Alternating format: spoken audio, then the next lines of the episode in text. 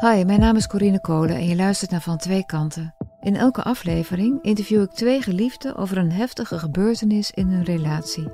Ik interview ze apart van elkaar, zodat ze openhartig kunnen praten.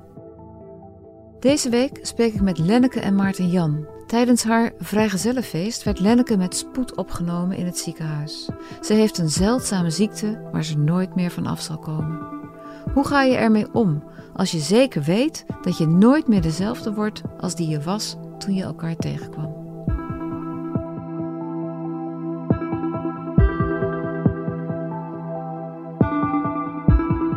Lenneke, Ja, wanneer heb je Maarten leren kennen? Maarten heb ik leren kennen eind 96. Waar? Ja, in, eh, op een eh, feest op het Stenen Hoofd in Amsterdam. En er was een feest van de Race of the Classics. Dat is een eh, zeilwedstrijd voor studenten. En daar was ik heen met een vriendin.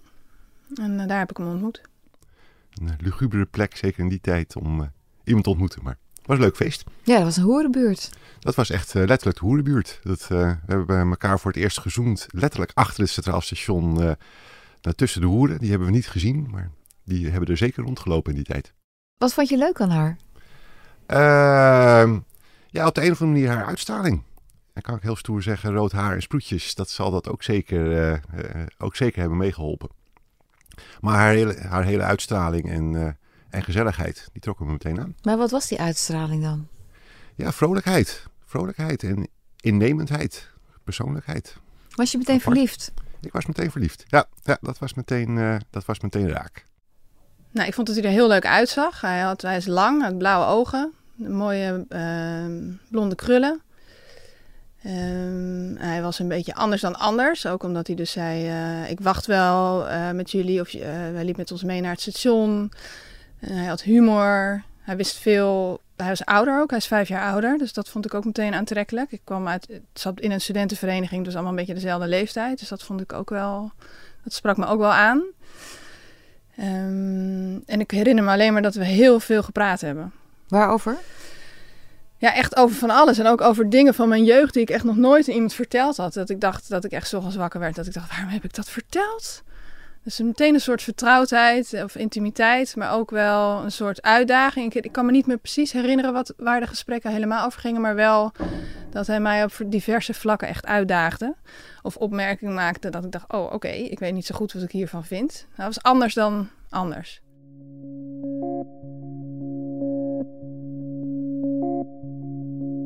En dan kom je iemand tegen en dan ben je jong allebei. En wat waren de verwachtingen die je had van, van een leven met haar? Ja, ik denk dat het voordeel is dat we elkaar relatief jong, zeg maar even op ons 25ste, eh, ontmoeten. En eigenlijk nog heel weinig plannen hadden. Eh, ik, was net, nee, ik studeerde net af op dat moment en ik studeerde nog. Dus ja, je hebt eigenlijk enige verwachting is eh, wat wordt de volgende fase. Maar ook vrij snel vol in het professionele leven. Heel hard werken en eh, heel ambitieus zijn. En heel veel hele leuke dingen doen in de tussenliggende weekenden. Wat voor leuke dingen? Ja, heel veel eh, op stap gaan. Heel veel leuke feestjes. En eh, heel veel zeilen. En heel veel vakanties. En jullie zijn getrouwd op een gegeven moment? Ja, wij zijn in september 2006 getrouwd. 1 september. Hoe lang kenden jullie elkaar toen? 12,5 jaar. En ik ben in juni van dat jaar ben ik ziek geworden. Ik voelde me al een paar, paar maanden niet zo, niet zo lekker, maar het was druk op werk. Ik had net een nieuwe baan, ehm, een hele leuke baan. ehm, dus ik had een beetje keelpijn, een beetje allemaal van die niet-zeggende klachten. Dus ik had zoiets, nou, ik ga straks wel naar de dokter. Volgende week, volgende week, nou ja, voor je het weet is er weer een maand voorbij. Ik denk dat iedereen dat wel herkent. En op een gegeven moment werd ik ochtends wakker met echt een ei in mijn nek. Dus toen ben ik naar ehm, de dokter gegaan. Toen maandag naar het ziekenhuis. En toen eh, hebben ze, dat, eh, hebben ze een hele lymfklier weggedaan, eh, weggehaald, weggesneden uit mijn nek. En daar hebben ze toen eh, een biopt van genomen. En toen waren de magische woorden, mevrouw, nou mevrouw, gefeliciteerd. U heeft geen non-Hodgkin, u heeft sarcoïdose. Auto-immuunziekte, kun je heel oud mee worden. Ga je niet dood aan als het goed is. Dus dan denk je, nou oké, fijn. Phew, gelukkig. En ehm, de remedie was een paar maanden echt rustig aandoen. Sarcoidose is een auto-immuunziekte. En eigenlijk denkt je lichaam dat er ergens ontstekingen zitten, maar die zitten er niet. Dus ze sturen ze allemaal witte bloedcellen naartoe en die klonteren samen. Dat zijn dan granulomen en die kunnen overal zitten. Ze kunnen in je longen zitten. Veel patiënten worden dan heel benauwd, maar die kunnen ook in je spieren zitten. Dan heb je veel pijn of... Wat had jij? Nou, dat, ze dachten dus dat het gewoon uh, in mijn algehele hele afweersysteem zat. Dus dat ik alleen de klachten had. En er waren nog geen granulomen ontdekt. En um, op mijn vrijgezellendag, dan weet ik eigenlijk niet meer wanneer, dat zal in augustus geweest zijn. Op mijn vrijgezellendag in augustus. Toen bleek dus dat het bij mij in mijn hersen- en mijn zenuwstelsel zat. Maar dat wisten ze dus nog niet. Maar daar kwamen ze achter, omdat ik tijdens, mijn, tijdens het eten voelde ik de hele tijd hier alsof er op mijn mond, naast mijn mond, of daar een spinnetje liep of zo. Of een haartje vastzit. Of het kriebelde daar de hele tijd. Dus daar zat ik ook de hele tijd aan. En op een gegeven moment vroeg ik aan mijn zus, zie jij iets aan mij? Want ik, ik, heb hier zo'n raar gevoel. En toen hing mijn hele gezicht hing naar beneden. Dus mijn zus die uh, was heel voortvarend en die zei, we gaan nu naar het OVG. Ja, dat was een bijzondere, uh, een bijzondere avond. Hadden alle twee, ja, omdat we elkaar natuurlijk al lang kenden en ook inmiddels wat ouder waren, bedisseld dat het gewoon een leuke avond moest worden zonder uh, konijnen pakken en andere gekkigheid. Dus ik zat bij het KNSM-eiland heerlijk te eten met een hele grote groep vrienden. En had mijn telefoon moeten inleveren. Ik had natuurlijk een goede borrel op. Het was erg gezellig einde van de avond. En toen kreeg ik opeens mijn telefoon onder mijn uh, neus gedrukt. Hoe laat was het? Dat zal een uurtje of twaalf, één uh, geweest zijn. Na het diner en uh, nogmaals met een goede borrel op. En van de ceremoniemeester van, joh, nu gaat je telefoon wel erg vaak af. En het is steeds Marloes, is dat niet je schoonzus? ja, dat is mijn schoonzus, dus laat die maar eens terugbellen. en toen kreeg ik te horen dat ze onderweg waren naar de eerste hulp. Omdat Len uitvalverschijnselen had in één keer aan één kant. Uh, daar lag natuurlijk mijn dossier dat ik, dat ik uh, sarcoidose had. En toen was er een, een neuroloog opgepiept. Want ze dachten dus toen ik binnenkwam dat ik een TIA had. Dus werd een neuroloog opgepiept. En volgens mij heb ik toen een MRI gehad meteen s'nachts. En daaruit bleek dus dat het um, neurosarcoidose werd. Met als gevolg dat uh, uiteindelijk de hele linkerkant, mijn hele linkerkant, um, gevoelloos werd. Dus het viel uit. Ik kreeg uitval. En zo ontdekten ze dus dat de granulomen, die samenklontering van die bloedcellen, van die witte bloedcellen, dat die in mijn ruggenmerg en mijn zenuwbanen zat. Daar kwamen we dus achter. Ja, volgens mij is het echt, was het echt letterlijk één of twee weken voordat we gingen trouwen. Hoe was dat? Hoe is zo'n huwelijksdag op het moment dat je, dat je dan trouwt? Terwijl je gewoon eigenlijk je toekomst natuurlijk totaal anders had voorgesteld. De hele wereld lag aan je voeten, dat ja. zeiden we net. Ja. En ineens ligt de hele wereld niet meer aan je voeten. Ja, ik weet niet of ik me dat op dat moment al zo realiseerde. En ik denk dat ik in ieder geval ook wel goed ben om alsnog van de dag zelf uh, te genieten. Zonder al te veel met de verdere toekomst bezig te zijn. En ik denk dat Lenneke ook wel van de dag zelf heel erg heeft kunnen genieten. En die toekomst, die zorgen voor de toekomst wel redelijk opzij heeft kunnen zetten. Wat was het moment dat je je wel realiseerde dat die toekomst toch misschien een andere wending zou krijgen dan je had gedacht? Ja, op het moment dat je meer moet gaan nadenken over die toekomst. Op het moment dat het gaat over uh, uh, uh, je professionele carrière of die van Lenneke. En eh, het in de ziektewet eh, komen, het afscheid nemen van je baan. Eh, maar ook gesprekken over ehm, willen we nog steeds kinderen? En hoe moet dat? Hoe gaan we dat inpassen? En wat betekent dat niet alleen voor Lenneke en haar gezondheid, maar ook voor mij? Wat er eigenlijk gebeurt op zo'n moment, tenminste voor mij, ik ging gewoon compleet in de overlevingsstand. Dus zeg maar de, de heftigheid van wat er gebeurde, dat is eigenlijk pas een, nou ik denk echt dat dat pas een paar jaar later eruit kwam. Ik, had, ik was gewoon heel praktisch. Ik dacht, dit is er aan de hand, dit moet er gebeuren. Dus en zo gaan we het doen. En hoe heftig het eigenlijk was, dat, dat liet ik op een of andere manier eigenlijk niet toe. En ik weet nog dat, um, nou maak ik wel een hele grote stap, maar ik, weet, ik denk dat het na drie of vier jaar was dat ik bij mijn uh, specialist was. En dat hij tegen mij zei, misschien moet je eens gaan praten met een medisch psycholoog. En toen zei ik tegen haar, nou ja, als jij denkt dat ik daar beter van word, dan doe ik dat. Maar ja, haar punt was natuurlijk om mij te laten zien dat er heel veel verloren is en dat dat uh, blijvend is. En dat je dus een nieuw leven op moet gaan bouwen. Maar daar, die eerste paar jaar was ik nog zo in de overlevingsstand. ik zeg wel eens, chronisch ziek zijn is, eh, is ook wel eens een beetje, is, is ook een beetje chronische rouw. Want je komt steeds in een nieuwe situatie waarbij je toch dan gaat neigen. Ik werd op een gegeven moment moeder. Maar ja, ik ben niet de moeder die ik me altijd heb voorgesteld. Ik kan niet even een rondje gaan rennen of de hele dag skiën. Of weet je, dat zijn dingen die, uh, dat gaat niet. Dus dan, dan moet je jezelf steeds weer aanpassen. Welke rol speelde Maarten? Nou, Maarten zorgde eigenlijk een beetje voor dat ik op het, op het pad bleef. Want die liet mij wel gaan. Um, en ik weet op een gegeven moment, die hield mij. Nou, op, ik, ik weet op een gegeven moment had ik een boek met affirmaties. Dus dat zijn um, zinnen die je dan uit kunt spreken. En dan, dan um, kun je je leven in bepaalde richting brengen, zeggen ze. Noem eens zo'n zin. ik ben gezond. Of, ik ben verbonden. Uh, ik ben dankbaar. Nou, nou is dat op, op, op zekere hoogte. Um, geloof ik daar ook nu nog in. Maar zenuwen die kapot zijn of een been dat gebroken is, dat gaat daar natuurlijk niet mee weg. Maar goed, ik had op een gegeven moment had ik zo'n boekje en ik deed dus iedere dag iets van 30 of 40 van die affirmaties. En ik weet nog dat Maarten op een gegeven moment het boekje van mij afpakte. We hadden al heel veel gesprekken over gehad. Um, en hij heeft het boekje toen door de midden gescheurd.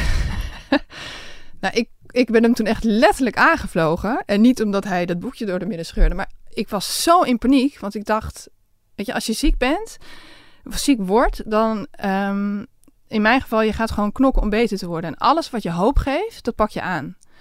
Dus als iemand had gezegd, je moet nu in je bikini of desnoods in je blote kont op de dam, daar zit een aardstraal, geeft hele goede energie als iemand, ik had het nog gedaan ook, s'nachts een keer. Het is, dus dat is natuurlijk heel, het is een heel wankel pad, omdat je, je weet het niet. En je weet ook niet wat je moet doen.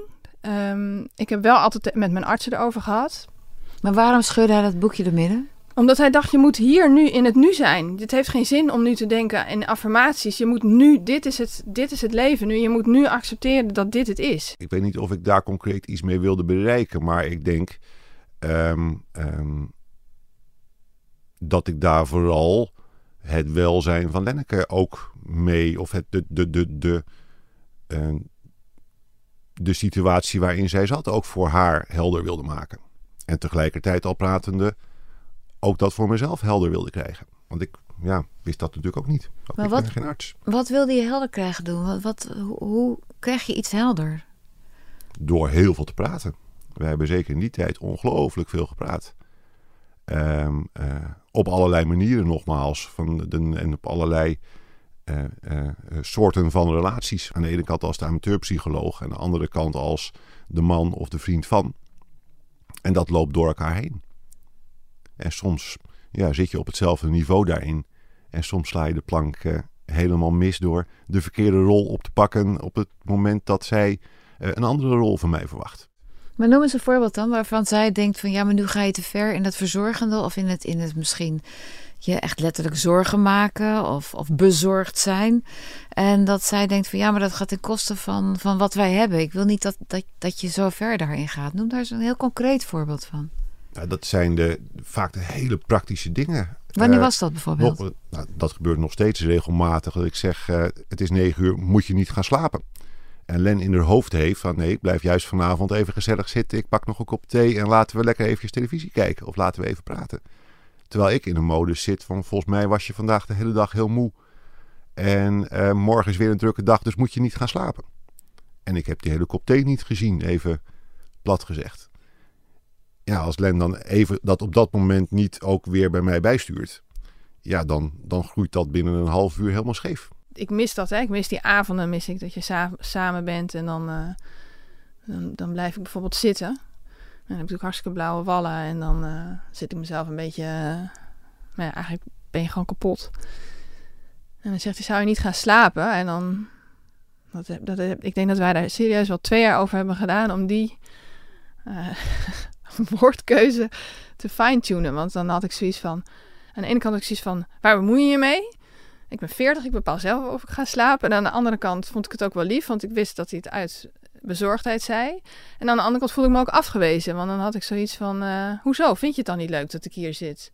Mis je ons dan niet? Ik mis ons, nou je mis ons niet. Nou, wanneer ga weet je wel zo? Dus dat is zijn van die, van, dat zijn ook wel van die dingen wat je net zei, waar Maarten dan uh, ja, toch iedere keer weer naar jezelf uh, toehaalt. Maar ook iedere keer weer een voorbeeld van blijf met elkaar praten. Want één zo'n opmerking kan, je, kan ik dus op drie manieren opvatten. En dat, en dat heb ik denk ik geleerd nu de afgelopen jaren. Het is dan aan mij de keuze van hoe vat ik dat op. Het is aan mij om hem het vertrouwen te geven. Nou, als hij weg zou gaan, dan zou hij hier niet zitten. Dus die, die weg, die ga ik niet in.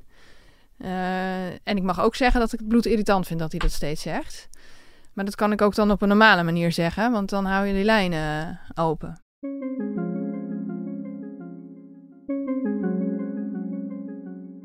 Ik kan me zo voorstellen dat als iemand zo lang ziek is, dat, dat je dan als dat je relatie ook verandert. Dat je relatie verandert van, nou ja, twee geliefden in iets anders. Waarbij je misschien inderdaad vaker hulpverlener bent, of, of degene juist die, die meer doet. Er, er gaat iets scheef. Ja. Wat gaat er scheef? Ik denk dat er meer rollen bij komen. Die, van, die rol van verzorger uh, uh, komt erbij. Um, en ik kan het natuurlijk niet vergelijken met een relatie waar uh, Lenneke niet ziek zou zijn. Maar er komen andere rollen en verantwoordelijkheden en taken uh, gewoon bij. En dan moet je zorgen dat de balans tussen die verschillende rollen goed blijft. En uh, soms lukt dat automatisch en soms ja, slaat de balans verkeerd door. Wat gebeurt er als de balans te veel doorslaat naar het verzorgende? Wat, hoe gaat dat ten koste van je liefde? Van de liefde tussen jullie? Nou, ik denk dat die balans moeilijker vast te houden is. En dat je bewuster moet kijken naar hey, hoe kan ik die verzorgende rol of die zorgzame rol uh, uh, niet te veel de overhand laten hebben. En dat kan je natuurlijk op twee manieren doen. Door die rol wat af te bouwen. Of door de ja, meer intieme rol ook bewust nog meer aandacht te geven. Want daar zit natuurlijk nog heel veel bij. Hè? Ik bedoel, we zijn ook nog ouders van twee kinderen. En werken alle twee en uh, hebben allerlei sociale contacten. En uh, zijn ook wel eens gewoon moe avonds, roep ik ook uh, regelmatig in dat soort gesprekken. Ja, soms ben ik ook wel eens gewoon zagrijnig. Dat heeft verder niks met Lenneke haar gezondheid op het haar te maken. Dan ben ik gewoon even zagrijnig. Ja, dat hoort er ook bij. Dat zit ook op die balans.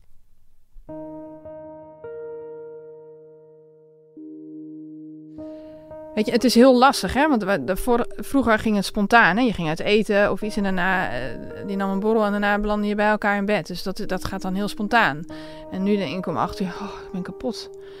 Maar ja, we hebben al zo lang, uh, weet je, misschien moeten we weer... Nou, maar dat werkt ook niet als je heel moe bent... dat je dan boven je sectie ondergoed aan gaat trekken... en dan naar beneden gaat lopen. Dan met zulke wallen voor iemand staat. Dat werkt ook niet natuurlijk.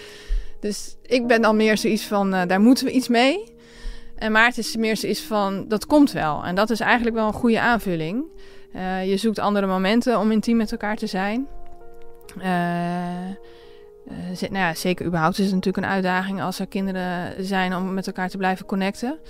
Um, en Maarten is meer dan de nuchter die zegt, nou dat komt wel. En ik ben dan meer degene die dan zorgt dat op een zaterdag ook de kinderen ook echt bij open logeren. Want ik denk, ja het komt wel, maar je moet natuurlijk wel een beetje beetje in is, een beetje sturen, want anders komt het natuurlijk nooit. En, dat, ehm, en ik denk dat dat komt omdat ik inderdaad, als ze dood ben, dat hij op een gegeven moment denkt van, oh, daar heb je patiënt Lenneke. Nou, daar verschillen Lenneke en ik denk ik wel van mening over. Ik ben zo nuchter uh, en misschien wel positief ingesteld dat ik zeg dat dat bij iedereen hetzelfde is. En iedereen moet daar uh, af en toe voor vechten en af en toe gewoon maar hopen dat, dat, uh, dat die sporen weer dezelfde richting ingaan of niet te ver uit elkaar uh, groeien. Um, ik denk dat Lenneke zich daar meer zorgen om maakt, omdat er bij ons een extra uitdaging van haar gezondheid bij zit. En ik denk, ja, dat weten we nu tien jaar en ja, uh, dat hebben we wel geaccepteerd met z'n tweeën. Kijk, ik zal nooit zeggen dat ik um, blij ben dat ik sarcoidose heb gekregen, maar het heeft me wel een bepaalde rust gegeven. Het is wel ook richting Maarten in onze relatie. Ik kan nu wel um, ik moet echt nadenken over waar ik mijn energie aan besteed. Dus als, als we samen naar een um, borrel gaan, uh, bijvoorbeeld een borrel van kennissen of een klassenborrel of iets, dat is heel leuk. Maar ik moet er twee, drie dagen van bijkomen en dat heb ik er niet meer voor over.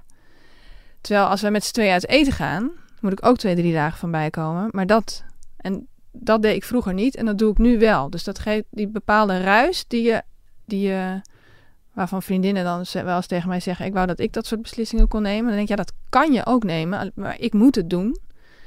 En dat maakt het leven ook wel veel ja, echter wil ik niet zeggen, want dan is het net alsof andere mensen geen echt leven hebben. Maar die keuzes die geven ook een bepaalde rust, omdat je echt naar je kern moet. Van waar, waar laat ik nu van op? Waar krijg ik energie van? Nou, ik denk dat Len zich geestelijk daardoor veel meer ontwikkeld heeft. Uh, in persoonlijke zin door yoga en zelfbewustzijn en ja, met haar eigen ontwikkeling rondom haar ziekte ook bezig te zijn. Maar hoe is er veranderd dan, die geestelijke ontwikkeling? Hoe ziet die eruit? Nou, Len is heel bewust van, uh, uh, van zichzelf en hoe ze daarmee om kan gaan. Ik ben een enorme droge, nuchtere persoon. Terwijl Len daarmee haar ja, spirituele kant ook veel meer ontwikkeld heeft. En dat, ik weet niet of ze dat gedaan had als ze een fulltime baan met twee kinderen en een werkende man gehad zou hebben. Ik denk dat daar veel minder aandacht en energie naartoe gegaan zou zijn. Hoe zou je leven eruit zien met haar als ze niet ziek zou zijn? Ja, dat is een vraag die ik me heel vaak stel, of die anderen ook wel eens stellen. Maar ik weet niet of die in de praktijk zo heel veel anders zou zijn.